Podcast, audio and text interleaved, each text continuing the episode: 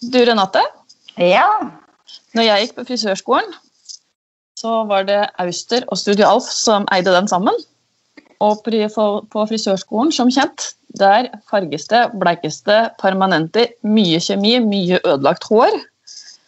Og vi hadde jo Joiko-produkter, både styling og kjemi. Og pleie. Så du kan jo si at det gikk mengder av den K-Pack Deep Penetrating Reconstructor, for å si det sånn. det var virkelig sånn lifesaver på skolen. eh, og så fortsatte jeg i Studialf, og der har vi også alltid hatt joiko. Og jeg kan ikke huske et liv uten joiko og Copac. Og kunne ikke levd uten heller. hva, er dine, hva, hva er dine tanker rundt eh, joiko og Copac? Det er, vel, det er akkurat det samme som deg. Jeg har alltid jobba med joiko og Copac. Og altså, håret mitt er jo en høysåte. Jeg har masse krøller, jeg har farva hår, jeg har striper. Og i dusjen så er Copac Hydrator Intense, intense Treatment helt nødvendig. Og uten den så får jeg faktisk ikke gredd håret mitt. Jeg har ikke sjanse til å få en børste gjennom det. Så den bruker jeg hver gang jeg vasker håret, faktisk. På sommeren så har jeg alltid med meg Copac Deep Penetrator Reconstructor og Copac Hydrator Intense Treatment i kofferten. Fordi når jeg skal på stranda, så er jeg motsatt alle andre. Altså Jeg kurer håret før jeg tar meg en tur ned på stranda. seriøst? Så helt seriøst. Jeg er ikke sånn som svømmer med huet under vann for å få lyst hår. Det tør jeg ikke ta sjansen på. Jeg svømmer med huet over vann. Og i håret så er det fullt i kur. Og den har jeg på helt til jeg kommer hjem fra stranda. Da bare skyller jeg ut og har i balsam eller conditioner. Og så er jeg ready to go. Og uten det så måtte jeg faktisk ha klippet av 10 cm av håret hver eneste gang jeg hadde landa på Gardermoen, tror jeg. Så jeg er helt avhengig. Det er så smart. Ja, det er veldig smart. Bra tips. Ja, veldig. Eh, vi har jo veldig liten vask på salongen, så vi bytter ut hva vi har bak der. Og akkurat nå så har vi faktisk eh, joiko. Og når jeg bruker den der kuren, den K-Pack Deep Penetrating Reconstructor, så er det, det lukta er så god. Jeg elsker den. Og den tar meg liksom tilbake til frisørskolen. og Ja, den er veldig, veldig bra. Og veldig bra for kunden. Ja. Eh, jeg er jo produktansvarlig, så jeg tester masse kurer. Masse nye sånne Rockstar-kurer og får alltid helt, helt dilla. Når det kommer noe nytt og spennende, så bruker jeg det på alle som måtte ha lyst til å prøve det. Av en eller annen grunn så faller jeg alltid tilbake til K-Pack eh, Deep Penetrating Reconstructor og K-Pack Hydration Intense Treatment. Rett og slett fordi det er trygt, det er godt, du vet at håret blir bygd opp. Og det er, det er, eh, ja, det er lifesaver, akkurat som du sa i stad. Og jeg tenker jo det at jeg mener Jeg tror jeg har blitt fortalt at K-Pack eh, Deep Penetrated Reconstructor har vært kåra til verdens beste hårkur over mange år. Kan det stemme? Ja, det stemmer. Så da er det kanskje ikke så rart da, at vi er fornøyd med de produktene, eller? Nei, det er veldig sant.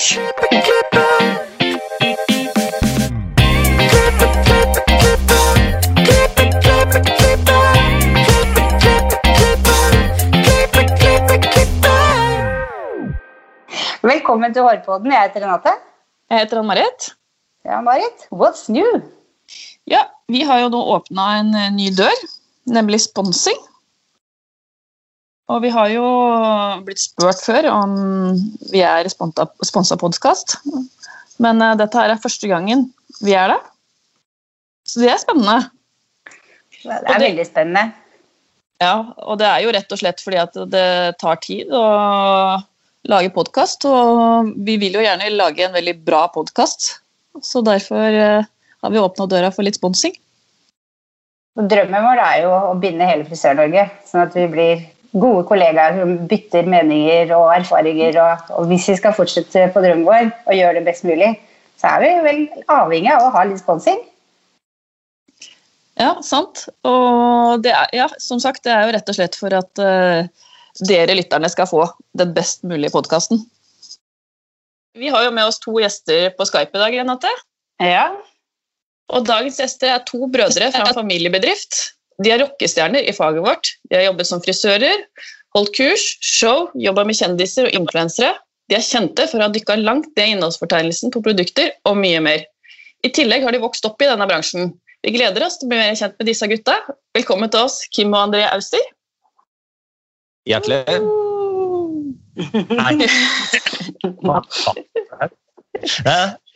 Ja, hei, hei. Ja, kan- hei. Kan ikke dere starte med å fortelle hvordan deres frisørkarriere starta? Kan vi gjøre. Vil du vi. sette i gang? eller? Jeg kan begynne, jeg, Ja, vet ja. du. Det kan jeg. først. Ja. Ja, hvor startet det? Eh, ja, nå er jeg 37 år, så jeg holdt på eh, 20 pluss år. da. Starta da jeg var 16-17, rett etter eh, ungdomsskolen. Så eh, det var jo da det starta. Eh, litt sånn hvorfor det starta. Som en del kjenner til, så er vi jo fra en familiebedrift. Så det er mange som spør om vi blir påvirka sånn, av, av familien. Selvfølgelig til en viss grad. Det har vært, mye, det har vært eh, rimelig mye frisørprat hjemme hos oss. Men når det, når det er sagt, da, så for meg personlig så trivdes jeg ikke spesielt bra på skolen. Altså Det gjaldt egentlig fra første til niende klasse. Det teoretiske og det der. Jeg så ikke helt hva jeg skulle bruke det til. Jeg så på en måte ikke verdien i det jeg lærte på skolen. Da. Og Derfor syns jeg det var ordentlig kjedelig.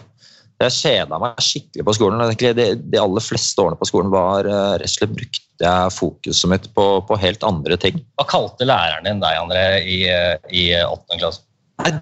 Det husker jeg ikke. Kan ikke du opplyse meg litt? Han kalte deg en jævla blåst idiot. Kalte han. Nei, Ja, nei, seriøst! da skal jeg gi en- shout-out til er Scott, Scott Berntsen, eh, alkislærer fra Bramfjell. Lykke til. Ja. Han gikk det ikke så bra med. Tusen hjertelig takk. Vi, vi takker han for den. Vi takker han. Ja. Og det som er så bra, folk for eksempel sier sånne ting da, som jeg faktisk ikke husker, men det forundrer meg ikke. Så det, det, er jo, det. er jo da du bare må tenke at det er jo helt, det er jo helt motsatt. Ja. Så det er jo Det, det var artig og interessant å høre. altså. Ja, ja. Men uansett, jeg er ikke interessert i skolen. da. Jeg syns det var kjedelig. Jeg så ikke verdien, så, så sånn sett var det naturlig å prøve seg på noe annet som var litt mer praktisk. Og det var der familien kom inn. Jeg skulle ikke prøve frisørfaget. Kult for de å, å få sønnen min, ikke sant. Så starta jeg på frisørskolen. Eh, Oslo frisørskole heter det da. da. Og eh, det var utrolig kult, for jeg hadde jo også brukt mye av tiden min på skolen, faktisk, på kreative ting. Brukt mye tid på å tegne på bøkene mine istedenfor å skrive mattestykker og ikke sant. Eh, Tegna litt på vegga òg, gjorde du ikke det? Jo da, jeg var interessert altså grafikk og, og, og sånne ting drev jeg, og det var det jeg brukte mesteparten av tiden min på. Ja, ja. Så noe kreativt var passa per, perfekt. Så når jeg kom på frisørskolen, så var det egentlig første gang i, i livet egentlig, hvor jeg bare fikk til noe. Altså Det naila jeg ganske bra fra begynnelsen. Og i hvert fall fikk til noe som var respektabelt, kanskje. ja, ja, nettopp. Nettopp bra, bra sagt. Ja, ja. Så, ja, ja. Det er det. Nei, For all del. Eh, For all del, for all del. Alt man jobber for. Ja, ja. Så mest, altså du kan si mestringsfølelse rundt det med frisørfaget det kom, eh, kom ganske raskt. Altså. Så det var, det var utrolig kult. Og, og kjente at dette her er noe jeg blir lykkelig av å drive med. Det gir masse energi og, og, og gode følelser. Så eh, det, var sånn det starta. Det tenker jeg egentlig med uansett hva man driver med, så må man kjenne, burde i hvert fall kjenne at det er noe som makes you happy. da. Og det er, når, når det er noe som man kjenner at man blir lykkelig av, så, så har man truffet uh, bra. Så det var, det, det var bra match, altså. Jeg husker jeg, jeg husker jævlig godt da du begynte. At du fikk masse energi, og du, ja, du blomstra jævlig opp i den perioden der. Ja, det er kult å høre. Ja, Ja, Så det var sånn det starta. Så jeg kan snakke litt mer om hvordan det fortsatte og sånn etter hvert òg, men i hvert fall kanskje Kim skal si noen ord òg. ja, det kan jeg godt gjøre. Hvordan, hvordan startet det for deg? Ja, spørsmål? Kan jeg bare spørre, Var det forventa at dere skulle bli frisører, i og med at dere kommer fra en lang rekke frisører i familien? Altså, forventa altså det, Hva skal man si? Jeg har fått det spørsmålet et par ganger før. Eh, egentlig av de fleste man møter, eh, som eh, man blir litt kjent med. Og det Hva pleier jeg å svare på det? Det er jeg, vil ikke si at det var noen som pressa oss til noe som helst. Eh, det kan man jo si. Eh, ingen som liksom var sånn at du må gjøre sånn. Eller, altså, jeg har aldri følt noe at det har vært noe press. Men eh, det blei en ganske naturlig gang. Da. Men nå, jeg kan jo for, jeg vil gjerne ta og utdype det litt, for da kan jeg blande inn det i den storyen jeg skal fortelle her nå. For det er, det er jo litt omfattende, det der med familie og, og liv og sånn. ikke sant? Ikke, ting skjer jo ikke bare av at en sier én ting. Eh, for, for, det var jo litt med alternativene man hadde kanskje òg, da. ikke sant? Mm. Uh, som André sa, han var ikke sånn spesielt god på skolen. Jeg var helt grei på skolen. Ja, det var men, men, det, var, men det var ikke fordi at jeg jobba så jævlig. For helt ærlig. Jeg gjorde ikke en damn shit på skolen, men jeg har uh, Du tok ting lett? Jeg har vært blest med fotografisk hukommelse, så jeg, så jeg husker ting sjukt lett. Så jeg hadde en jente i klassen som jeg alltid liksom bare Gå gjennom dette her med meg nå før vi tar testen, så fikk jeg samme karakteren som henne. Så det var sånn jeg var Jævlig dårlig å gjøre på. Men, eh, men, det var litt høsling? Ja, høsling, ja, jeg høsla. Jeg gjorde det på den enkleste mulige måten til et greit resultat. Det var sånn jeg jobba på den tida der. ja. Men, eh, men så når jeg, når jeg, på en måte eh, skulle velge hva jeg skulle gjøre og sånn Musikk har jeg alltid drevet masse med. da, så det var liksom Enten så skulle jeg gå for å liksom bli musiker og sånn, eller så, så, så jeg på André at faen, det der var også ganske fett. da, Ikke mm. sant? Ja, for jeg starta jo året før deg. Så. Ja, det er akkurat det. Og musikk kunne jeg drive med uansett, og det har jeg på en måte gjort også. og hatt det som en side, sidegreie. Eh, så, så, men jeg hadde ikke en like hva skal man si, sånn uh, drøm av å begynne på frisørskolen som det André hadde. Altså, for Han blomstra veldig opp sånn uh, mm. Da begynte jeg å føle på at jeg ikke mestra ting. på en måte. For jeg hadde egentlig glidd ganske greit igjennom uh, skolen sånn, i hvert fall uh, rent faglig sett. Mm. Så hadde jeg, eller sånn, eh, jeg fikk ikke masse problemer med lærere og sånn, fordi jeg var slik. ikke sant? Så, så ja, jo, det er jo egentlig det. Så det er jo helt ærlig, sånn var det jo. Det var jo det. Ja, jeg var god på å høsle. God på høsle. Ja. Så eh, når jeg ble Jeg husker, husker jeg kom da jeg skulle begynne med hår, liksom. fikk jeg, altså, jeg, jeg, jeg lekte ikke med Barbie når jeg var liten, og jeg greide ikke dokker eller fletta hår. Ikke er noe gærent i det, men eh, det må man jo bare man, jeg, jeg, hadde ikke den uh, basen av å ha noe sånn interesse av det fra jeg var liten gutt. på en måte. Så det å få børste i hånda og dokkehue foran meg med hår, liksom, det var jo det var som å møte en alien. ikke sant? Så jeg sto jo liksom og bare jeg slo dette, denne børsten omtrent på det håret. ikke sant? Så det, det var, for meg var det en ganske lang prosess å bli comfy mm. med det. Mm. Men det kom liksom et tidspunkt. da. Eh, men det, for meg, jeg vil ikke si at jeg sånn trivdes veldig godt med det før jeg hadde gått en sånn halvannet år. altså. Jeg ikke ja, virkelig ja. sleit med om er dette her det jeg skal drive med. liksom. Eh, men eh, så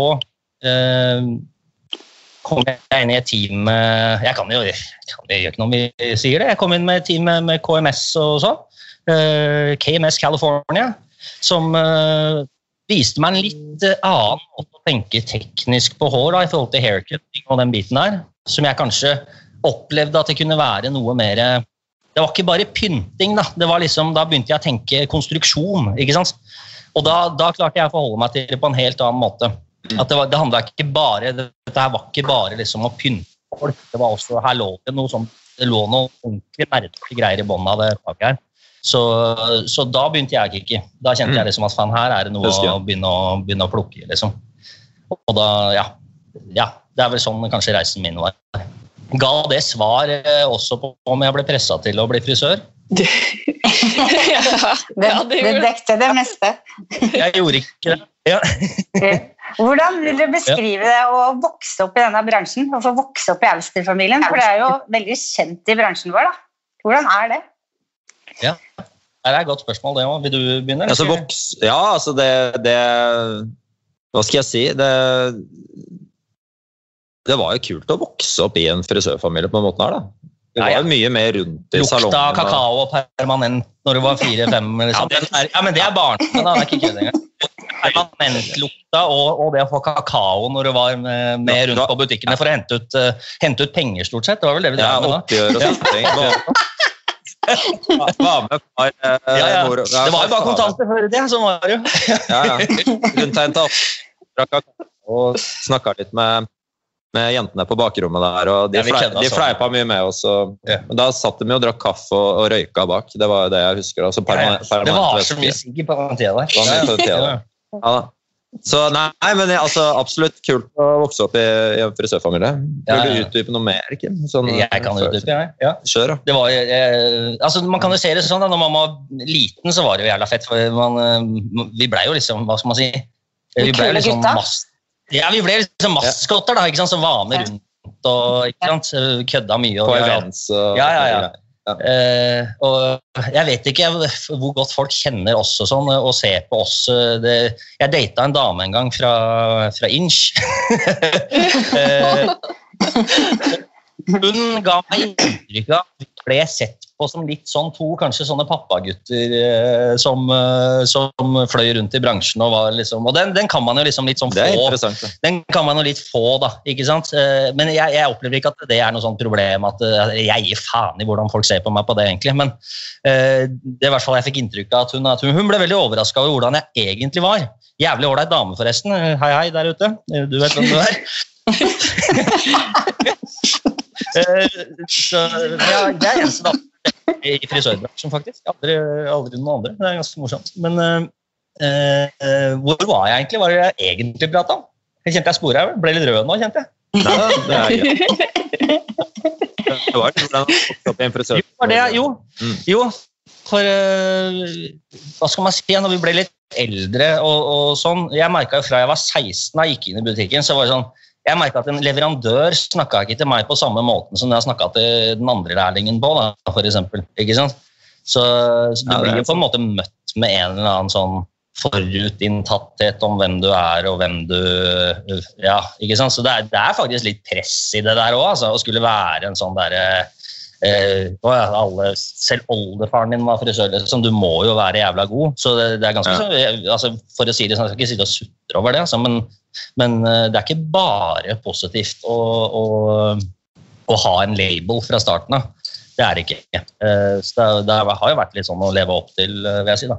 Ja, Men, eh, ja, men eh, Det er mye forventninger om, av dere som Ja, altså, det er, er jo på en måte det, da. Det, man, man skal jo på en måte vite alt, da. Eh, helst. Absolutt alt. Eh, og som 16-åring var ikke det så jævla lett. Men eh, når jeg ble eldre, så har jeg jo lært meg ganske mye, da. Så nå er jo ikke det noe problem i det hele tatt, selvfølgelig. Men jeg husker det, kanskje de første åra der at, eh, Mm. at jeg kjente litt på det, kanskje. Ja. Mm. Men, eh, men altså, i bunn og grunn, vi har fått være med på jævlig mye moro i den bransjen her, da. Og fått noen muligheter òg, da. Og det, det også er jo litt sånn greia mi, da. Hvorfor fikk jeg de mulighetene? Ikke sant? Jeg det, det er sånn man må tenke på når man, når man på en måte kommer fra en familie som har en slags uh, rolle, da. Ikke sant? Eller har et slags bilde i bransjen. At eh, fikk jeg dette her fordi at jeg heter det jeg heter, eller fikk jeg dette her fordi jeg faktisk er flink på det jeg holder på med? Ikke sant? Og den, den fikk jeg bekrefta når jeg var sånn rundt 20, tenker jeg. Etter fire års tid. For da var jeg på mitt første sånn eh, kurs da, med, i utlandet eh, med, med Sassoon. ikke sant? Så jeg er jævlig Sassoon-fan. Alltid vært det, egentlig måten de tenker på. og sånn da. Eh, og da er det en fyr som heter Steven Moody, som er en av de, ja, en av de råeste gutta som jobba tett med Vidal og sånn back in the day i, i, i, ja, i USA. og sånn. Som var instruktøren min der nede. Og han visste ikke selvfølgelig hvem jeg var. Hvem faen veit hvem Auster er i, i det landet der, liksom. Men han ga et kompliment til en av disse andre norske som var liksom lederne for denne turen. eh, Direkte om meg, og da husker jeg det klarte jeg å ta til meg. Fordi han visste ikke noe om dette her. Og da kjente jeg faen, jeg har noe å komme med, liksom. Uh, og da la jeg litt fra meg det der fuck, fuck forventningene til andre folka. Jeg bare kjører min greie her, og så, Ja. så blir det bra. Ja. Jeg har jo sett dere på scenen mange ganger, og jeg må jo si at dere er dritdyktige på det dere driver med. da. Så Ja, men det, er, Takk for det. Det er hyggelig å høre. ja. det er koselig å høre, da. det er vel ikke bare, bare negativt å få det inn med morsmelka og rundt middagsbordet og lagre med Nei. info som du blir god på, tenker jeg. Du, det er jo, vi, vi kunne, altså det som er funny, da, vi kunne jo liksom den sakseteknikken med tommelen. Den kunne jo vi når vi var Jeg husker vi viste oss jo den når vi var sånn ti eller noe sånt. Var det ikke? Ja, ja, ja. Det sier jeg til lærlingene nå. De må jo sitte, altså, de må jo sitte med en saks i hånda nesten hele tiden i starten. For å få liksom, den ja, følelsen og sensitiviteten da, inn i hendene. Det er ikke alle kids som når de får besøk hjemme, så drar de frem saks. Kan du dette, eller? Sånn dreier det sånn, kan du Folk drev og testa på. Det var sånn partytriks. Det var partytriks. kan du den? Bare, nei, det er umulig. Ja, ja, det var Bare begge tommelen. M- Mitt første møte med, med dere to, da var jo dere godt eh, innplassert i bransjen vår, vil jeg si. Og da skulle jeg være med på sånn eh, og være med og holde kurs og sånt. Og da snakka, jeg mye med Linda, som jobba, jobba, eller jobber fortsatt hos dere, vil jeg tro. Og nevnte hele tida Kim, Kim og André, Kim og André, Kim og André. Så jeg bare Hvem er Kim og André? Jeg trodde det var én person. Det er heller ikke første gang, da. Nei, det er Altså, ikke det. Nei, nei, men Kim André fra Ulvøya. Det var sånn liksom, når vi var kids også. Vi Har jo hengt sammen altså vi, hver eneste dag. Og det, vi snakker jo sammen ti ganger om dagen nå. Altså, vi lever jo vi lever jo vårt eget liv sammen, vi, selv om vi har Ja, ja. hver vår familie. og sånn. Uh, og, og Kim André fra Ulvøya. Sånn dere møtte oss bare Kim og André. Og det er Å to, Oh, ja. det er to! Kim André. Det, har skjedd mange Utrolig kult at du Ja, har ja, hatt den det opplevelsen. Det er er faktisk Det bør også Ja. Mm. Og jeg visste ikke det før jeg faktisk møtte dere to begge to. Så, oh, ja, det er faktisk to! Ja, det er det. Nei, men vi har, jo, vi, er- vi har jo jobbet litt sammen, eh, vi Anne-Marit og, og Renate også. litt. grann. Ja, ja. Så skal vi det. Ja. Det er en stund siden nå. Og Lonja var vi jo et par ganger. Ja, det var Ja, kjempegøy. Mm. Ja, der, der, altså Du sa vi var rockestjerner, det vet jeg ikke om helt stemmer, men altså, eh, akkurat i Bologna noen ganger følte jeg meg bitte lite grann som en rockestjerne. For der kom jeg ned, jeg var der kanskje sånn eh, 15-20 ganger og holdt visninger og sånn, og liksom de samme folka fortsatte å komme hver gang. Det var jævlig lættis der nede. Ja, ja, det var ganske spennende. Ja. Ja, dere var jo rockestjerner der. Det Ja, det var det det. jeg skulle si òg. Og så var det jo veldig gøy med italienske som sto på sida og prata italiensk. Det var jo ingen som så på det. Hun var jo egentlig bare litt forstyrrende. Hun ville jo bare se på det dere gjorde. Og så forsto vi jo språket òg, så det var ikke noe problem. Nei. Ja. Nei da, Men men sånn eh, Ja. Eh, Familiebedriften deres, kan ikke dere fortelle hva konseptet der er? Jo. Konseptet, Eh, ja. eh, for å Litt sånn overordna så er vi jo Vi er et kommersielt brand med fokus på å få frem det beste i alle mennesker, egentlig. Eh, du kan si alder, stil, personlighet. Basically, det er det det går i, da. Så vi treffer jo en relativt bred målgruppe, egentlig, således, da. Så det er konseptet til Ester. Eh, og nå snakker vi jo litt for, til bransjen her den podkasten her, så det vi er kjent for sånn innad i bransjen, er at vi er gode på, på opplæring og det faglige. Så i den faglige kvaliteten, da. Eh, så basically faglig dyktighet, enestående kundebehandling, kundereisen, det, det er det vi legger aller mest vekt på. Og øh, gjennom akademiet, altså Academy, bruker vi jo mye tid der da, på å eh, lære opp helt fra bånn og, og videre opp i de forskjellige nivåene. Så basically det er konseptet vårt. Vi, er kommersiell aktører. da. Du må gjerne utdype litt mer, mer rundt dette her med fa faglig dyktighet og sånn. og uh, Vi mener at det er helt altså, Vi mener at utdanning er den viktigste brikken da, i, i frisørfaget generelt. Og det, det, er, er superviktig også med, med denne kund, altså kundebehandlingen eh, som vi kaller det Auster Experience, som handler om kundereisen. Vi har beskrevet dette er veldig i detalj, bruker masse tid på det. Om hvordan man best mulig kan kommunisere med kundene. Og, og kartlegge behov og, og, og, gjøre riktige tilpasninger i forhold til hårtype, personlighet, stil, hudtone, øyne, alt. Så eh, det er en like viktig bit egentlig som den, den tekniske delen. Vi bruker veldig mye tid på begge, begge deler.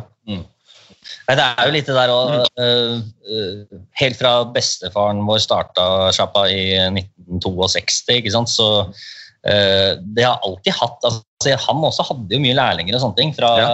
helt fra starten av, og var liksom opptatt av det å liksom lære opp sine egne folk. da. Uh, og ja, Vi ser jo en veldig verdi i det, og får dem blanke og, og, og hjernevasker dem. Eh, Nei, jeg har hørt en ting om Academy.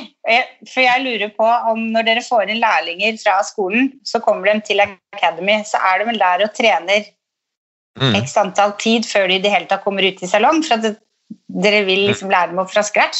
Stemmer det? Ja, ja det er helt riktig. Det er, helt det er sånn vi jobber. Ja, det er, det, er, det er, det, og det fungerer veldig bra. De gir veldig gode resultater altså, i salongene. Så vi jobber jo hele tiden med å optimalisere det opplæringssystemet. Da. Så det skjer gjerne litt sånne ja, litt sånn småoptimalisering hvert år i forhold til hvor mye kunder og, og, og hvilke modeller som vi skal, eh, hvilke type arbeid vi skal fokusere på. Så nå i år nå har jo ting, ting ble dessverre litt utsatt grunnet korona, og sånn, men nå er vi ordentlig i gang med, med nytt kull med lærlinger nå. Mm. Og, og, nå også bruker vi naturlig nok litt mindre tid på, på kunder der, men de har, mer, eh, de har mer praksis i salongene. Så akkurat nå så bruker vi mer tid på å gjøre demoer, ikke sant? vise de, og, eh, og, og de gjør jo da eh, disse arbeidene, uansett hva, hva det er. Da, på, gjerne på modeller, men også noe på dokkehoder. Og så, og så, bruker de mye tid i salongen på å trene i mellomtiden. Og Det har også fungert veldig bra. Så vi, vi hele tida ser på en måte hva som gir best resultat. Da. Mm. Verden har forandret seg litt siste året. Også, ja. Ja. Det er jo sånn, så man, man, må ha gjort noen justeringer. Men det er, det er, det å starte på den måten som vi gjorde. og Vi begynte jo med, vi starta Academy i 2014. Var ikke der, nei? Nei, 2010. 2010, ja! Ok, jeg bare skippa fire. Spør meg om uh, og, og liksom visjonen Vi var jo ekstremt gira på dette her. Det, mm. Vi ville jo lage noe som på en måte Norge ikke hadde sett før. ikke sant? Uh, men, men, så har jo, hva skal man si det, Vi satsa veldig mye på kurs, og vi satsa veldig mye på på den live-kursbiten. ikke sant? Og det også har jo forandra seg ganske mye de siste åra, med det, alt det digitale som har kommet inn. og, og sånne ting. Så, så, også har jo ideen vår tilpassa seg. da, Så vi, mm. vi, jobber jo mye mer mot digitale ting nå om dagen. da, Og vi har mye planer der. Men eh, ja, jeg skal ikke, skal ikke si alle de, alle de Det ligger en del ja. ja. det ligger en del i pipelinen. Ja, pipeline. Er det sånn. Ja, da. Jobber dere noe i salong i det hele tatt nå, eller er det Academy dere ja, det er veldig det er veldig godt spørsmål. Jeg kan, starte, jeg kan jo starte med å svare litt, for jeg har jo vært mange år egentlig utenfor salongen.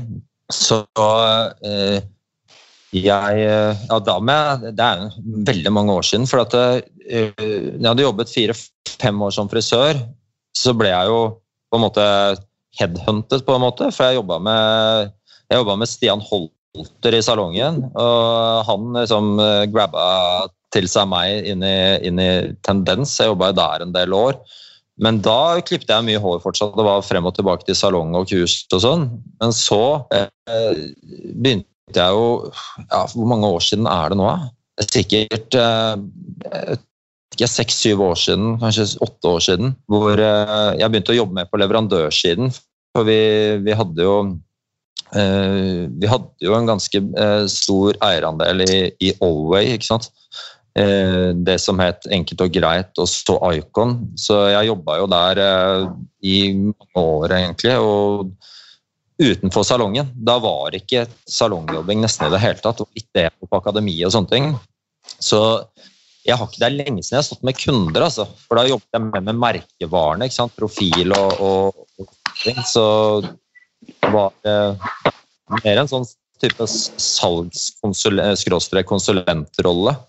Og eh, de årene der så jobba jeg mye med ja, en som heter Erik Mørk Andersen, som dere kjenner. altså Han og jeg var sånn team. ikke sant? Vi, vi bygde jo egentlig også Cecilie Torvik, som dere kanskje vet hvem er, som kom litt inn etter hvert. ikke sant? Vi, vi tok jo basically det Alway-merket som, som, ikke hadde noe fotfeste i det hele tatt, men som var en helt unik merkevare. Ja. Som vi tok fra basically null til å bli ganske Nei, så der måtte jeg jeg måtte ofre en del salongjobbing for å få til det. Og det var absolutt verdt det. Det var utrolig artig. de, siste og de siste årene nå så er det, det er ikke salongjobbing lenger. Jeg har ikke, har ikke tid til det. Gjør det andre prioriteringer, rett og slett. Så, men jeg klipper hår. Jeg gjør det. Jeg er på akademiet nå to-tre dager i uken og gjør demoer og, og sånne ting. Så det er kjempemoro. Jeg syns det er utrolig kult å holde deg ved like. Og viktig òg, da. Ikke minst. Så ja, jeg, jeg, var jo så heldig å få jobbe med dere litt på OA-biten. og Jeg husker at du, du var veldig opptatt av innholdsfortegnelsen, André. Og så ja, ja. skikkelig inn i hvert enkelt ingrediens. Ja, det, ja, det var imponerende. Det, jeg, er et levende leksikon ved siden her. Da. Altså, han Læreren som kalte deg eh, ikke så veldig pen. Det var akkurat han jeg tenkte på nå. ja, han tok veldig feil da, eh, over uh, hva som bor oppi det huet der. For det, altså, jeg, så feil kan ta. Jeg, jeg ser, hvis jeg lurer på noe om noe da, da, det, Dette gjelder ikke bare hårprodukter, dette gjelder mat og det gjelder eh, ja, kropp kroppen generelt, altså, så, så, kan du helt sjukt mye om det greiene der. Det er, sånn, det er på sånn autistisk nivå. Det er et snitt rart der. Nei, ja, jeg tror i hvert fall hvis man, skal, hvis man skal lykkes med en merkevare, eller uh, ja, hva enn det er, da, uh, om det er å klippe hår eller hva, hva det er, så, så, så må man jo tenker man må dykke ordentlig ned i, i materien da, for å finne ut hva dette er for noe. Om det er noe med liksom, differensiatorer og alt i forhold til andre merkevarer. og sånn. Så det, det er liksom derfor jeg gjorde det, spesielt i forhold til Oway, som jeg brant så veldig for i, i, lang lang tid. Så var det veldig viktig å kunne forstå helt, uh, helt fra bånn av hvordan produktene var bygd opp, for å kunne se tydeligere Altså alt ifra eh, altså hvordan det differensierer seg på innhold, men også på den overordna markedsføringen. Da. Så eh, det er, ja, det er verdt å bruke en del timer på sånne ting eh, for å, for å forstå egentlig hva man driver med, hva man kommuniserer. Jeg klarer ikke å selge noe eller snakke om noe som jeg ikke, som jeg ikke forstår helt. Da. Og jeg, jeg, jeg, må tro på det. Jeg må virkelig det må være, det må være ekte, liksom. Det, det, ja. Så det er derfor jeg har blitt så interessert i å gjøre det. det da kommer det da kan du snakke om ting med en ordentlig god energi. Da, da, da liksom Få ordentlig kraft bak det man snakker om og sier. Fett. Mm. Nei, jeg, jeg, heller jobber ikke noe særlig, så, eller særlig, jeg jobber ikke så langt lenger. Jeg gjør ikke det, altså. Eh, savner det litt innimellom. Det gjør jeg. Eh, det jeg gjør mest Jeg sitter, jeg sitter mest på Mac-en min ja, og gjør grafisk design og uh, sosiale medieting. Og, mm. og ja, jeg selger litt produkter på nett og en del sånne ting. Og vi har en del baller i lufta med, med diverse sånne ting. Så jeg har blitt helt sånn digital nerd, egentlig. Uh, jeg elsker jo å kutte hår. Jeg gjør jo det, og jeg syns det er synd jeg ikke får gjort det mer. De siste jeg kutta, var kidsa mine, liksom, og så har jeg et par sånne Man kan ja. ikke gjøre alt. Jeg, jeg, får liksom ikke tid til det, men jeg kutter fortsatt fletta av de fleste. Altså.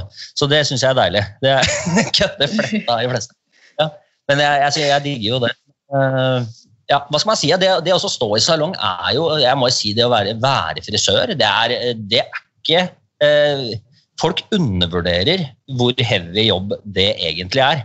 Det, det må jeg bare si. Og, og hva skal man si? For for å være litt sånn åpen. Eh, jeg har jo hatt litt eh, utfordringer med litt angst og sånne ting opp igjennom livet. Eller fra jeg var ganske liten. Og, og det merka jeg også når jeg begynte det å stå i en kundesituasjon sånn konstant, på en måte.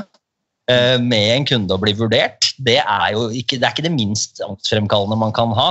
Nå er dette mye, mye bedre Sånn. Men eh, det var derfor jeg også ble såpass uh, nerd på at jeg skal faen meg kunne det jeg driver med her. hvert fall. Ja, ja. For den følelsen av at det kommer en kunde inn i, inn i salongen, og her veit jeg ikke hva jeg skal gjøre, det er kanskje noe av den verste følelsen i verden, tror jeg. Uh, og usikkerhet rundt det. For jeg, jeg må si at jeg, jeg har jævlig respekt for de som står i salong i, i 40 år og, og, klarer det. Altså ikke bare, altså En ting er fysisk, men mentalt.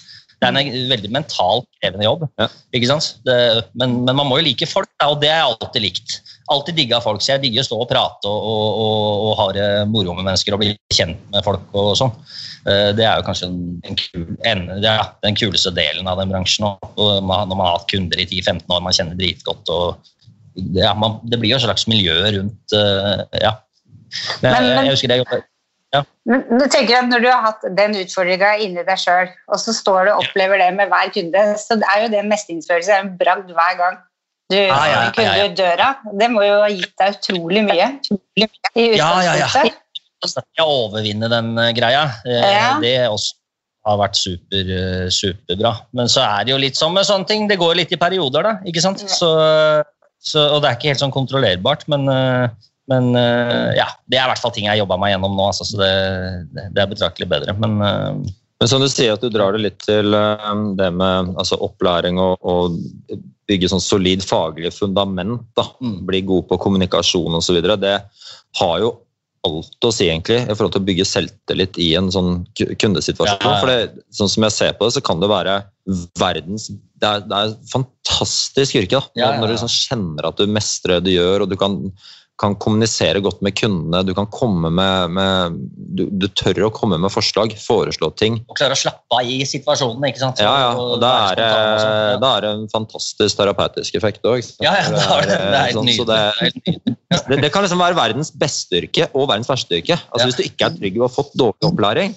ja. så er det helt forferdelig å bare bli satt i en kundesituasjon. Det, det syns jeg ingen fortjener å bli gjort. uten å få Det er nærmest traumatisk å bare bli satt der og bare nå skal Ja, det er helt krise. Sånn skal, sånn skal det ikke være. og Det, det er sånn det Austra for helt fra, fra starten av. Man skal bli trygg på det faglige. Det er sånn, Få den mestringsfølelsen og selvtilliten. Mm. Det, ja. Ja, det er godt poeng, det. Mm. Ja. Poeng, det. Ja, det høres veldig bra ut for de stakkars lærlingene som blir satt uh, ut i verden og skal begynne å klippe. Ja. Det... ja dæven, altså. Det er Sånn skal det ikke, uh, mener jeg. Ja.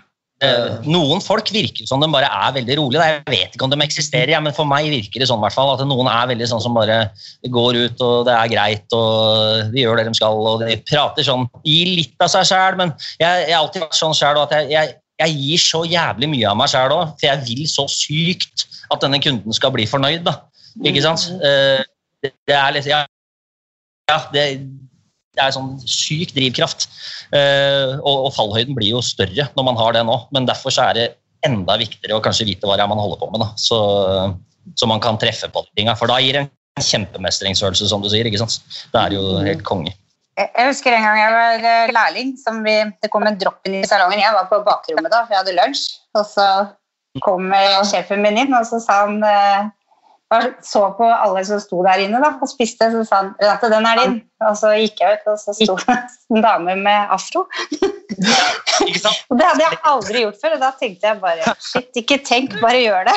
ja, det, var, det, var, det er en sånn grusom ja, jeg fikk en sånn en sånn rett opp sånn, Han hadde holdt på et års tid. eller noe sånt, bare, Han var en sånn fast kunde i salongen. og så var, var, hun ene som da på den tida tok rett oppstående i salongen. Det var, det, hun var ikke der, da. Så jeg ble satt på den. Men da, ja. Det gikk middels. Du tok utfordringen? Jeg tok altså. utfordringen med en terningkast uh, to og en halv. Ja. Hvis det er mulig å dele terning. Ja. Det var vel den følelsen jeg satt nå. Terningkast to, kanskje. ja. Ja.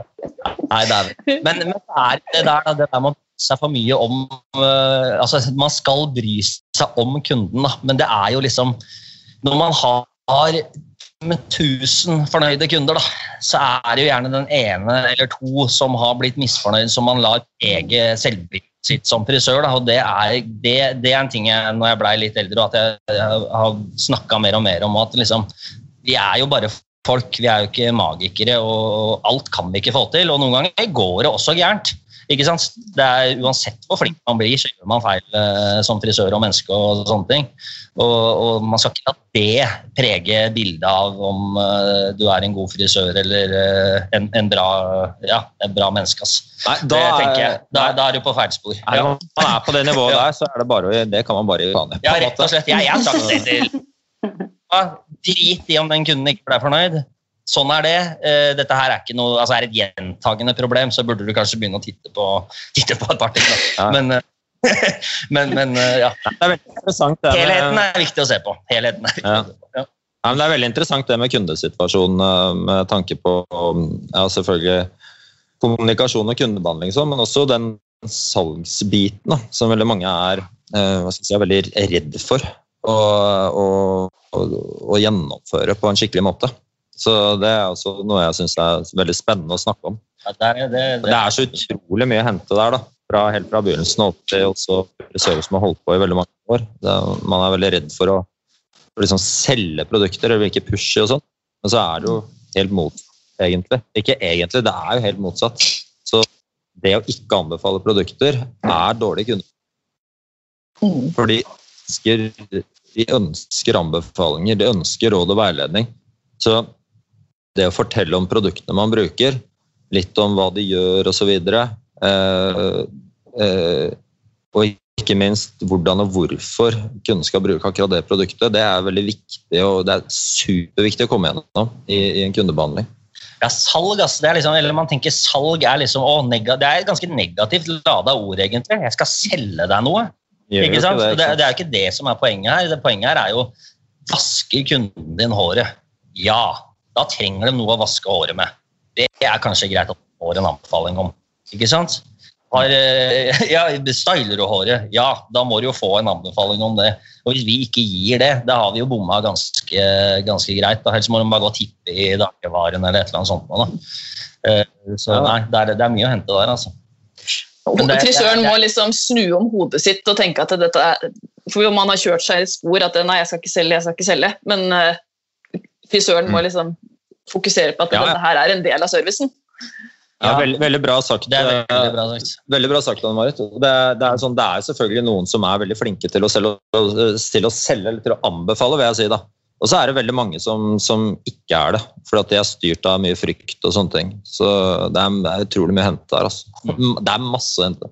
Jeg vet selv, hvert fall, Hvis jeg er på et sted og tar en eller annen behandling, så er jeg superhappy hvis jeg er fornøyd med behandlinga, sånn, så kjøper jeg med meg et eller annet. Altså, det, er jo, det, er jo, en del av opplevelsen. Mm. Man skal vel egentlig dekke et behov, for kunden har jo behov for det. Det er et behov. Dekke et behov. En anbefaling til behovet. Det er en løsning. Ja. Det er, noe, det er ikke noe feil med altså. Det er sånn man bare må legge av seg, tror jeg. At det, bare, fan, det, det er en del av jobben. Altså. Det er det kundene forventer av oss. Ja. Helt klart. Mm. Ja. Mm. Men uh, du, Kim. Ja. Vi har jo blitt podkastkollegaer. Ja, det har vi, altså. Yes. vi har jo Ja, det, det, har vi. Jeg har starta en podkast. Eller vi har starta en podkast, så jeg har jo hørt mye på dere, selvfølgelig. I like måte. ja. Så, nå er ikke, nå er ikke podkasten vår 100 bransjeretta og hårretta. Vi har gått litt bredere på, på segmentet. da. Eh, så jeg samarbeider med en Jeg og Steven Butkus, en fotograf, da, kanskje veit hvem han er. Eh, han er gammel venn. Vi er kjent hverandre siden vi var ja, 13, tror jeg. Og gjort mye bøll sammen og jobba mye sammen. Og gjort veldig mye kule ting sammen òg. Og han og jeg har jo da snakka ganske lenge om det, om vi skal gjøre en podkast. Og så kommer vi fram til hva skal den handle om. Det er vanskelig å si hva den egentlig handler om òg. For det, vi, vi, vil bare ha inn mennesker som er kreative, som har eh, gjort et eller annet kult. Uh, gjerne som har levd litt òg. Begge vi gutta har levd uh, på vår måte og opplevd ganske mye. Så det er både en, både en podkast om mote, kunst, kreative ting generelt. Eh, men, men, også om det å være, være menneske, altså. Å overleve i en, en, en noen ganger brutal verden. Ja. så, så, det er en kul, en kul greie. Ja, så nå, nå, switcher vi format, da, for nå, han, han, eh, bor jo på Bali nå, så nå, nå vi på Norge. Norge så vi switcher til engelsk også nå, faktisk, så vi går international. Så, men det wow. som er fett med Bali Bali er jo en sånn freehaven for kunstnere og avdanka skuespillere og, og, det ene og det andre. Så det er jo en sånn liten sånn suppe med gærne mennesker som samles fra hele verden der nede. og Masse modeller og, og, og mye fashionfolk og sånn òg. Så vi kommer til å få veldig mye kule gjester framover eh, på den. altså. Vi har hatt en liten sånn break nå, vi setter i gang fra ja, fra, Vinni og kona er vel der? Ja, ja, altså det er som mange der. er Altså, sånn når du av begynner- artister. ja, det er, det er, det er et sånn sånn samlingspunkt i verden for, eh, for eh, ja, folk i, ja, med spesielle hoder. Så Ja. det, det er veldig gøy. Ja, de, siste, altså de siste ukene også, så har vi egentlig, så har jo, Dere har jo venta på å spille en episode. Nå er det noe utstyr som står fast i pollen der nede. Ja. Så vi jobber med å få ut. Og det er ikke bare, Du kan ikke bare liksom møte opp der og hente det ut. Det må liksom Altså, Bali er et funny sted. Da. Det, er helt, det er veldig annerledes enn en, en Norge. Men vi skal prate mye om det i podkasten og hvor funny det opplegget der egentlig er. Altså. Ja. Jeg tror det kan bli ganske morsomt. Så det er, det er humor, det er seriøse ting. Det er, det er alle spekterne av livet som kommer fram i den podkasten her. Ja. Og vi er ganske åpne òg. Så det, det, det er moro. Ja, det er veldig gøy å høre på dere. Ja, du syns det? Ja, å bo der. The The Cut heter den, da. The Cut. Det finner den. sin Cut. eh. Men jeg vil jo gjerne si jeg syns det er helt fantastisk det dere gjør. Ja, det må jeg også og, og Ann-Marit. Det er virkelig det er, Ja, jeg, jeg tror jeg har hørt alle episodene nå, så jeg sitter Wow. og hører på det i bilen. og det er, alle, det er vel over 100 episoder, tror jeg. Så jeg vet ikke om jeg har hørt alle, men jeg har hørt ganske mange. Og, og, og det er et fantastisk eh, initiativ dere, dere har tatt. Altså. Og dere er, dere er jævlig dere er flinke. Altså. Dere, dere holder, holdt liksom kontinuitet fra starten av. Mm. Det, det er det som er hele nøkkelen for, å, for at det skal gi, gi høy oppmerksomhet og sånn. Noe som det sannsynligvis allerede har gjort. Da. Og det er, er veldig bra. Og dere var, tidligere dere var tidlig ute sånn, òg. Det var jævla, jævla, jævla, jævla bra greier. Det er veldig kult. Ja, ja. Dere er Tusen takk, det var veldig hyggelig å høre. Ja, det var veldig hyggelig. Tusen takk. Dere har jo liksom skapt Dere har fått en sånn plass. Dere har det er liksom bare å på. tatt, tatt, en, tatt en posisjon. Det er veldig, veldig kult. Ja. Vi er jo veldig heldige, da, for vi får jo snakke liksom med alle vi har lyst til å snakke med i bransjen. Vi lærer jo sykt mye, og det er det som er gøy. Å få lov til å være kolleger og ikke type konkurrenter i forskjellige bedrifter. Det er akkurat det. Konkurrenter, altså. Jeg er så lei av konkurrenter. Ja. Jeg, jeg, kan, kan vi ikke bare legge ned det greia her, så kan vi snakke til hverandre som normale folk, alle sammen. Ja. Det er så mye. Ja. Ja, Veldig enig. Mm. Ja. Vi er jo i samme bransje, og vi elsker jo det vi driver med, så det er bare gøy å møte mennesker som er like bra i jobben som det vi er. Og det er så mye kule folk i den bransjen her òg. Motebransjen generelt. Det er jo, Mm. det er jo egentlig ikke sånne, sånne eh, skal man si, uptighte folk. Ikke sant? Så mindre uptightness, altså. Det, det stemmer jeg for, i hvert fall. Mm. Ja, jeg er helt enig. Mm. Nå har vi kommet til noen faste spørsmål til dere. Ja. Har, har, dere, noen har dere noen tips til frisører som vil opp og frem? ja, det har jeg. Vil du begynne? Ja. Uh, vil, du, altså, vil, vil du opp og frem? Det er uh, basically sånn det er med Som jeg sa i stad, det er med alt. Da. Eh, det, det krever bare sinnssykt mye fokus og trening, egentlig. Det er det er det, gjør. Så eh, de, som vil, de som vil opp og frem, de må fokusere på å, på trene på det som virkelig gjelder. Da. Og det, det er de det, er egentlig alt grunnleggende nivå som man må starte på. Og så må man bruke all tid man har da, på, på, på å bli god. Og det, det krever egentlig bare Dette er sikkert litt sånn forslitt eh, måte å si ting på, for det er veldig mange som har sagt det før òg, men det er så, sånn er det om du driver med business, om du driver med tall eller om du driver med hår, liksom, så må du bare legge Du have to put in the work, liksom. Du må bare slett trene masse, masse, masse. Uh, og, og bli helt sånn skal jeg si, Du må bli litt sånn småbesatt på å bli god. For Det er det, det er det jeg ofte ser da, på de som bruker lang tid på å bli god, at de bruker ikke nok tid på å trene. Det er det, er det som er hele nøkkelen. Eh, og er du ung og har masse tid og ikke har barn og ikke masse forpliktelser utenom jobben, så kan du jo bruke masse tid på å trene på ting. Altså, du, du kan, altså, om du jobber, ikke jobber en lørdag og en søndag, så kan du bruke en time eller to på, på å trene litt på noe hår. Altså, det tar jo ikke lang tid engang. Det kan være en liten start på morgenen for å få dagen i gang. Liksom. Det, er, det, det krever egentlig veldig lite, men det krever bare veldig sånn, riktig fokus da. Så øh, det, det er, det er liksom mitt beste tips. Jeg vet at det er det som skal til. da, uansett hva Du driver med. Det bare, du, må, du må bruke nok tid og trene nok. Så det, ja, Da blir du god. liksom. Mm. Ja. Ja, jeg kan bare fylle ut bitte litt hvis jeg får lov. Uh, ja, trenes. Trenes. Fokus er viktig.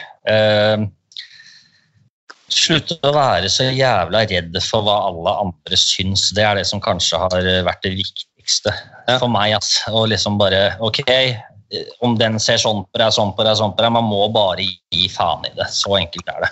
Eh, og så må man trene, og, og det legge seg inn man må, eh, Dette du sier om trening, da. jeg husker vi gjorde mye det. Ja, jeg er gæren. at vi Jeg gjør det fortsatt. Faen, vi tar og møtes i morgen. I morgen er det lørdag. Vi møtes, og så gjør vi en styling eller så gjør vi en haircut. eller vi prøver et eller annet, liksom. Og det, det føltes ikke nødvendigvis som om det ga så veldig mye verdi akkurat der og da. fordi øh, ja, Mm. men, men liksom gjør du det mange ganger det, det er som å dra på treninga. Da. Du, skal, Ja. du skal bygge muskler, eller du skal bli tynnere, eller du skal bli sånn eller sånn, eller tjukkere. tjukkere. Skal du bli tjukkere, må du spise mer. Altså, det er jo liksom alt hva som er målet ditt. på en måte da. Hvis målet ditt er å bli bedre på hår, så må du trene. Og, og prøv å ikke se på jobben bare som en sånn at jeg går dit klokka ti, er og jeg drar liksom. hjem klokka fire eller fem eller tolv til åtte, eller hva det er for noe. Ja. At det liksom, Du må viske ut litt i linjene at dette her er noe jeg liker å drive med. da. Mm. Så det er, liksom- det er noe jeg til og med liker å gjøre på fritida mi innimellom. Ikke sant? Det, det er kanskje noe av det, noe av det viktigste, tror jeg. Eh, også, og, og det å få seg noen gode forbilder, det, det, det syns jeg alltid var veldig bra. Eh, se på de som er bedre enn deg. Eh, ikke nødvendigvis de som prater høyest alltid, men eh, de som eh, du ser har noe du vil ha. Ikke Ja, sant? De, denne her, faen, åssen får jeg til det der? Da kan man eh, Det er veldig kult. ja, da kan man Mm. bruke det. Da kan man plugge seg inn der ikke sant? og laste ned dems programvare. Og kanskje man kommer dit at ok, nå fikk jeg lært det som den personen hadde. Eh, Det er ikke det at man skal ikke tenke at den er flink lenger, men da er det greit å plugge seg videre. Ikke sant? For alle, alle har noe å gi deg på et eller annet vis. Det er noe å lære av så utrolig mange. Og jeg kan si en ting som er veldig viktig, ekstremt viktig, det er ydmykhet. Ja, det er Og det er å tørre å spørre om eh, veiledning og hjelp. For at det gjorde jeg enormt mye i starten i salongen, og jeg gjorde det egentlig hele veien. Seriøst. Helt, Ja, ja. selvfølgelig litt mindre siste år, men altså, bruke de ressursene du har i salongen og spørre om hjelp hvis det er noe du er usikker på. Mm. Eh, observere, se på hva andre gjør, spørre om hvordan de får det til. Liksom, prøve å trene og få det til på den måten som de som har det du vil ha, får til. Da. Og skjønner du det ikke, så ikke lat som at du skjønner det. Ah. Det er litt det liksom, Hvis jeg ikke forstår noe, så skal jeg grille det mennesket her til jeg forstår det. ikke sant? Ta heller å være en pain in the ass, altså. Og, og, og liksom Nei, jeg skjønner det ikke. Så enkelt er det, og det er ikke noe gærent i ikke skjønne det. Men det er jævlig bra at du sier det, fordi da kan du kanskje forstå det. Later du som at du forstår det, så kommer du aldri til å forstå det. i hvert fall. Da går du Jeg er veldig enig. Ja, ja, som liksom er livredd for spørsmål eller livredd for en kunde. ikke sant? Så det er, ja, Vær bare drit i hva andre syns, og da kan du være ydmyk. Hvis du klarer det. Men det er jævlig vanskelig å være ydmyk du skal vite og kunne alt. Da, for det, det går ikke. Sånn er det bare. Ja. Hvis vi har liksom, liksom myke nakkemuskler, og sånn, så vær litt sånn uh... ja, ja, ja. Det er ikke så farlig, da. Faen. Ja, det går bra. Det går bra. Ja. Eh, Hva inspirerer dere? Dette her inspirerer meg. Ja. Det inspirerer meg. Det- Ja, det, det inspirerer meg det der med med, eh, med å kunne faktisk eh, endre litt perspektiv, altså. Mm. Eh, når man snakker med folk og sånn. Eh, for det syns jeg det er litt lite av. at eh, jeg og André vi samarbeider jo helt sjukt mye. Vi, Mm. vi, vi samarbeider hver dag, og vi, vi skal jo ta avgjørelser. Vi er involvert i ganske mye forskjellige ting. Så å si, Det er mye avgjørelser vi tar i løpet av en dag som er viktig. Og det å klare å sette seg inn i et annet og klare å lytte til en annen person, det er ikke lett. da.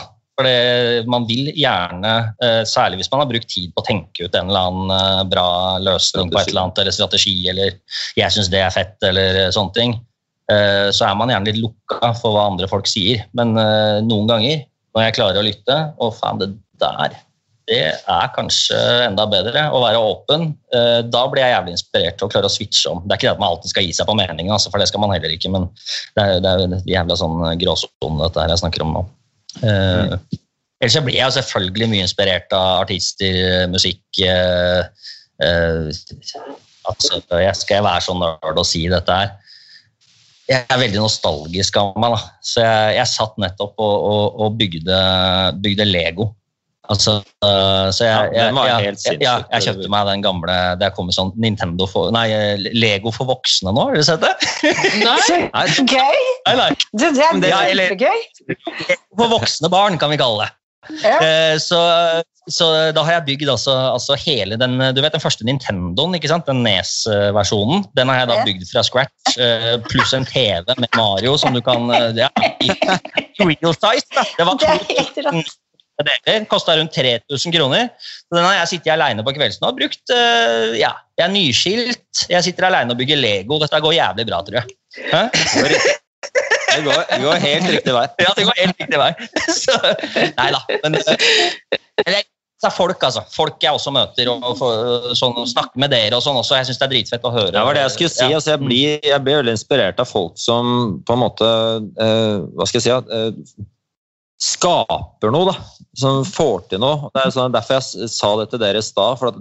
Dere, jeg blir inspirert av dere fordi at dere skaper noe. Dere gjør, dere, og, dere, gjør det, dere gjør det skikkelig, liksom. Det er ikke sånn at dere har spilt inn to episoder i det. Dere bare kjører på videre. og det er, det er Sånne ting blir jeg inspirert av.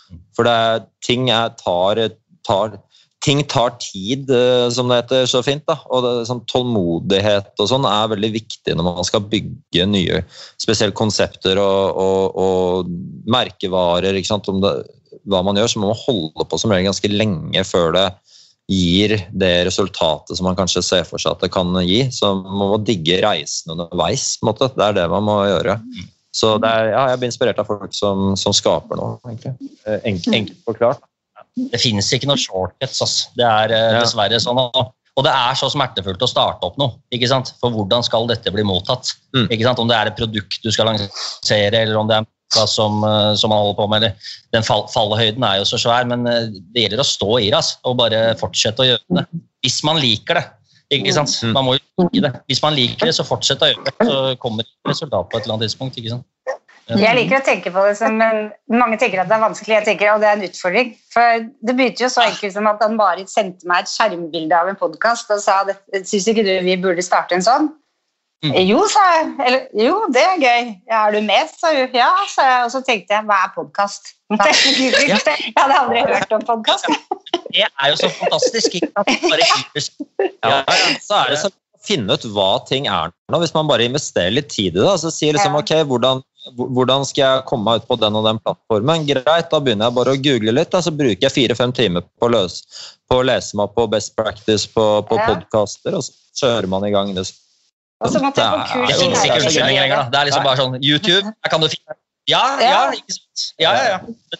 Jeg måtte gå til en dame og lære meg å redigere, og hvordan du publiserte, og hvordan du skulle snakke. og Det var, sånn, det var supergøy og superskummelt, alt i ett. Ja, det brukte du ganske lang tid på, Renate. husker jeg. Ja. Ja. Ja, det tar tid. liksom. Ja. Ja, men Det er det å tørre å bare ta litt nye utfordringer. altså. Det Kjenner man at dette her er noe jeg har lyst til å gjøre, så skjer det ingenting. Da. Det, det, skjer ikke, det skjer ingenting ved å gå og tenke på det. Man må bare gjøre ting. altså. Ja. Gjøre Ta en sjanse. Og det er. Og nysgjerr, nysgjerrighet er jo det som er kreativitet for meg.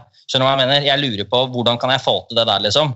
Der begynner det, ikke sant. Og så begynner jeg å gjøre noen ting, og så begynner man å bli kreativ. ikke sant? Og hele den prosessen imellom der, det er jo det som er, er det som er gøy. ikke sant. Mm. Så får man resultatet, kjempefint. Får man det ikke, så Nei, jeg prøvde i hvert fall, da. Det får være bedre enn uh, bedre eventuelt Og jeg er jo veldig sånn, For å holde meg inspirert, og sånn, så må jeg holde meg litt i shape. holdt Jeg på å si. Jeg er jo sånn opptatt av å trene og sånne ting. Så det har jeg vært i årevis. Så det må jeg opprettholde da, for å, for å sånn klare å ha den der gode, gode energien. Mm. Så for meg er det viktig, det er viktig i yrket generelt. da, Som driver med, driver med hår. Så tenker jeg det er bra å Uansett hva man trener, om det er yoga eller om man liker å gjøre kroppsvekttreninger, om det er vekter eller hva enn det er, så er det veldig, veldig bra, og, det er veldig bra for hodet. Mm. Det, det er jeg helt enig i. Akkurat sånn Ja, sjøl. Ja. Ja. Der, der har jeg prøvd noe nytt. Det også syns jeg var skummelt. Å begynne på crossfit. Men, men shit, det er gøy, altså. Ja. Tre kvarter er helt ødelagt. Masse energi, og så er jeg trøtt klokka tre. Ja, ikke sant? Ikke sant? Det er rått. så det- Altså, det, er er, hardt. det kan være beinhardt. Jeg jeg har en ny treningsfilosofi nå. Vet du hva jeg kaller den? Farmer strong. altså Du blir bondesterk. Så nå, i stedet for å sette, sette for det, det, Tida er alltid et uh, issue. ikke sant? Så det, det liksom til å sette av tid, og så nå skal jeg trene i en time, og så eh, Der er jeg dårlig, for huet mitt hopper ganske mye. Så jeg er sånn, jeg kjører 20 pushups, bam, ned. eh, Og så gjør jeg det bare sånn når det passer. Mens jeg lager mat, for eksempel, så jeg steker en biff, så kjører jeg 20 pushups. Ja, det er kult. kult, det. 20 ganger i løpet av dagen. Da. Skjønner du? Da har jeg tatt 180 pushups i løpet av dagen. Da. Det er ganske bra. Ja. Gjør du det hver dag, så blir det er, det er sånn jeg har begynt. Pushups, benstopp og hangups og sånn. Ja, ja, Da blir sånn. jo i form. Men Ja, ja. altså, ja. Ok, Farmer Strong, det fikk alle med seg. Det er nye Kim. Det er det sitt. Det nye. farm. Bøndene går jo rundt hele tida. De, tre- de trener jo på en måte hele tida. De, Ja. de gjør noe. Men de er ikke sånn som sitter og pusher all alle maks-greia si. Så jeg, jeg skal bli farmer strong nå. Det er helt klart. Altså. Det er rått. Det er det nye.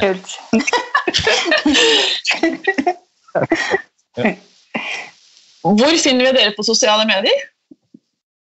Ja, meg finner dere på, på LinkedIn, på Facebook og på Clubhouse. Hva med deg? Nei, altså Du finner du, The Cut med Auster og Butkus. Der eh, vil jeg anbefale å, å, å, sjekke podkasten. Min private eh, Facebook-profil den er også offentlig, så eh, der legger jeg ut mye rart. Så det er bare å følge der. altså. Mye, jeg, jeg prøver å være politisk ukorrekt og ha litt humor på verden. Det er ikke alltid like suksess. og Instagram. Kim Auster. Ja. Eh, det er vel der du finner meg mest, i hvert fall. Ja. Og så finner du Auster i alle eh, Følge alle. Austesalong-kontoene kan man også følge på, på Instagram. da. Ja. Hovedsakelig Instagram. Ja. Kim og André, tusen, tusen, tusen takk for at dere ville komme og dele deres historie med oss. Og så anbefaler alle lytterne selvfølgelig å høre på The Cut med Auster. Det er spennende og gøy. Ja. Koselig. koselig. Vi får invitere dere en dag. Så Tusen takk for at vi fikk komme hit. Så følger pris på det. Og følg gjerne oss på sosiale medier. På Instagram og Facebook, og så høres vi neste uke. Ha det bra!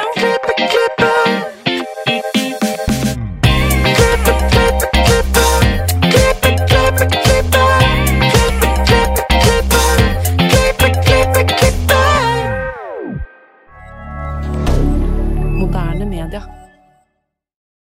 Har du et enkeltpersonforetak eller en liten bedrift? Da er du sikkert lei av å høre meg snakke om hvor enkelt det er med kvitteringer og bilag i fiken, så vi eh, gir oss her, vi. Fordi vi liker enkelt. Fiken superenkelt regnskap.